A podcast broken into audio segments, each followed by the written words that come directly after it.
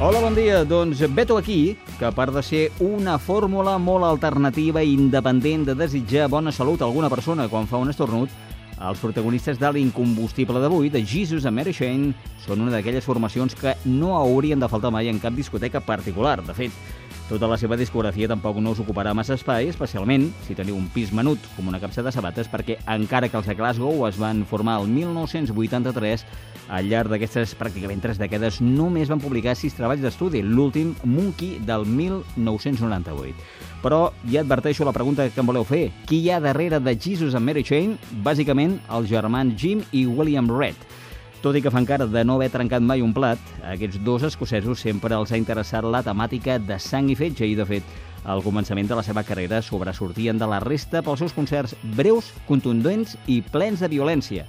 Els seus primers referents eh, més directes van ser els Sex Pistols, però no es van animar a dedicar-se a la música fins a començament de la dècada dels 80, i ho van fer bàsicament perquè es van adonar que en aquella època no hi havia grups de guitarres elèctriques i que tot era xumba-xumba i música electrònica.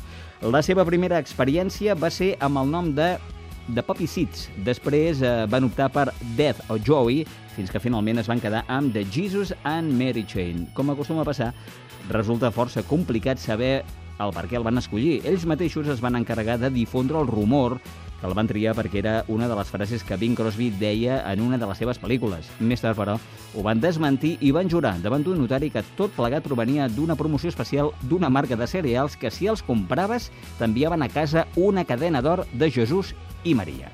Sí, com sigui, Sometimes Always és el títol de l'incombustible d'avui que podeu trobar a la cinquena referència de Jesus and Mary Chain, titulat Stone and the Throne, del 1994. Aquest treball els va dur directament eh, doncs, tot un any de gestació i va incloure dues col·laboracions que eren com La vella i la bèstia.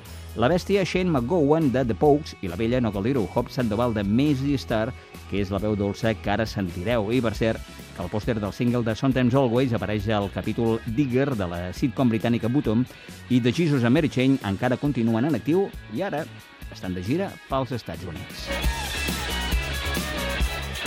Bye.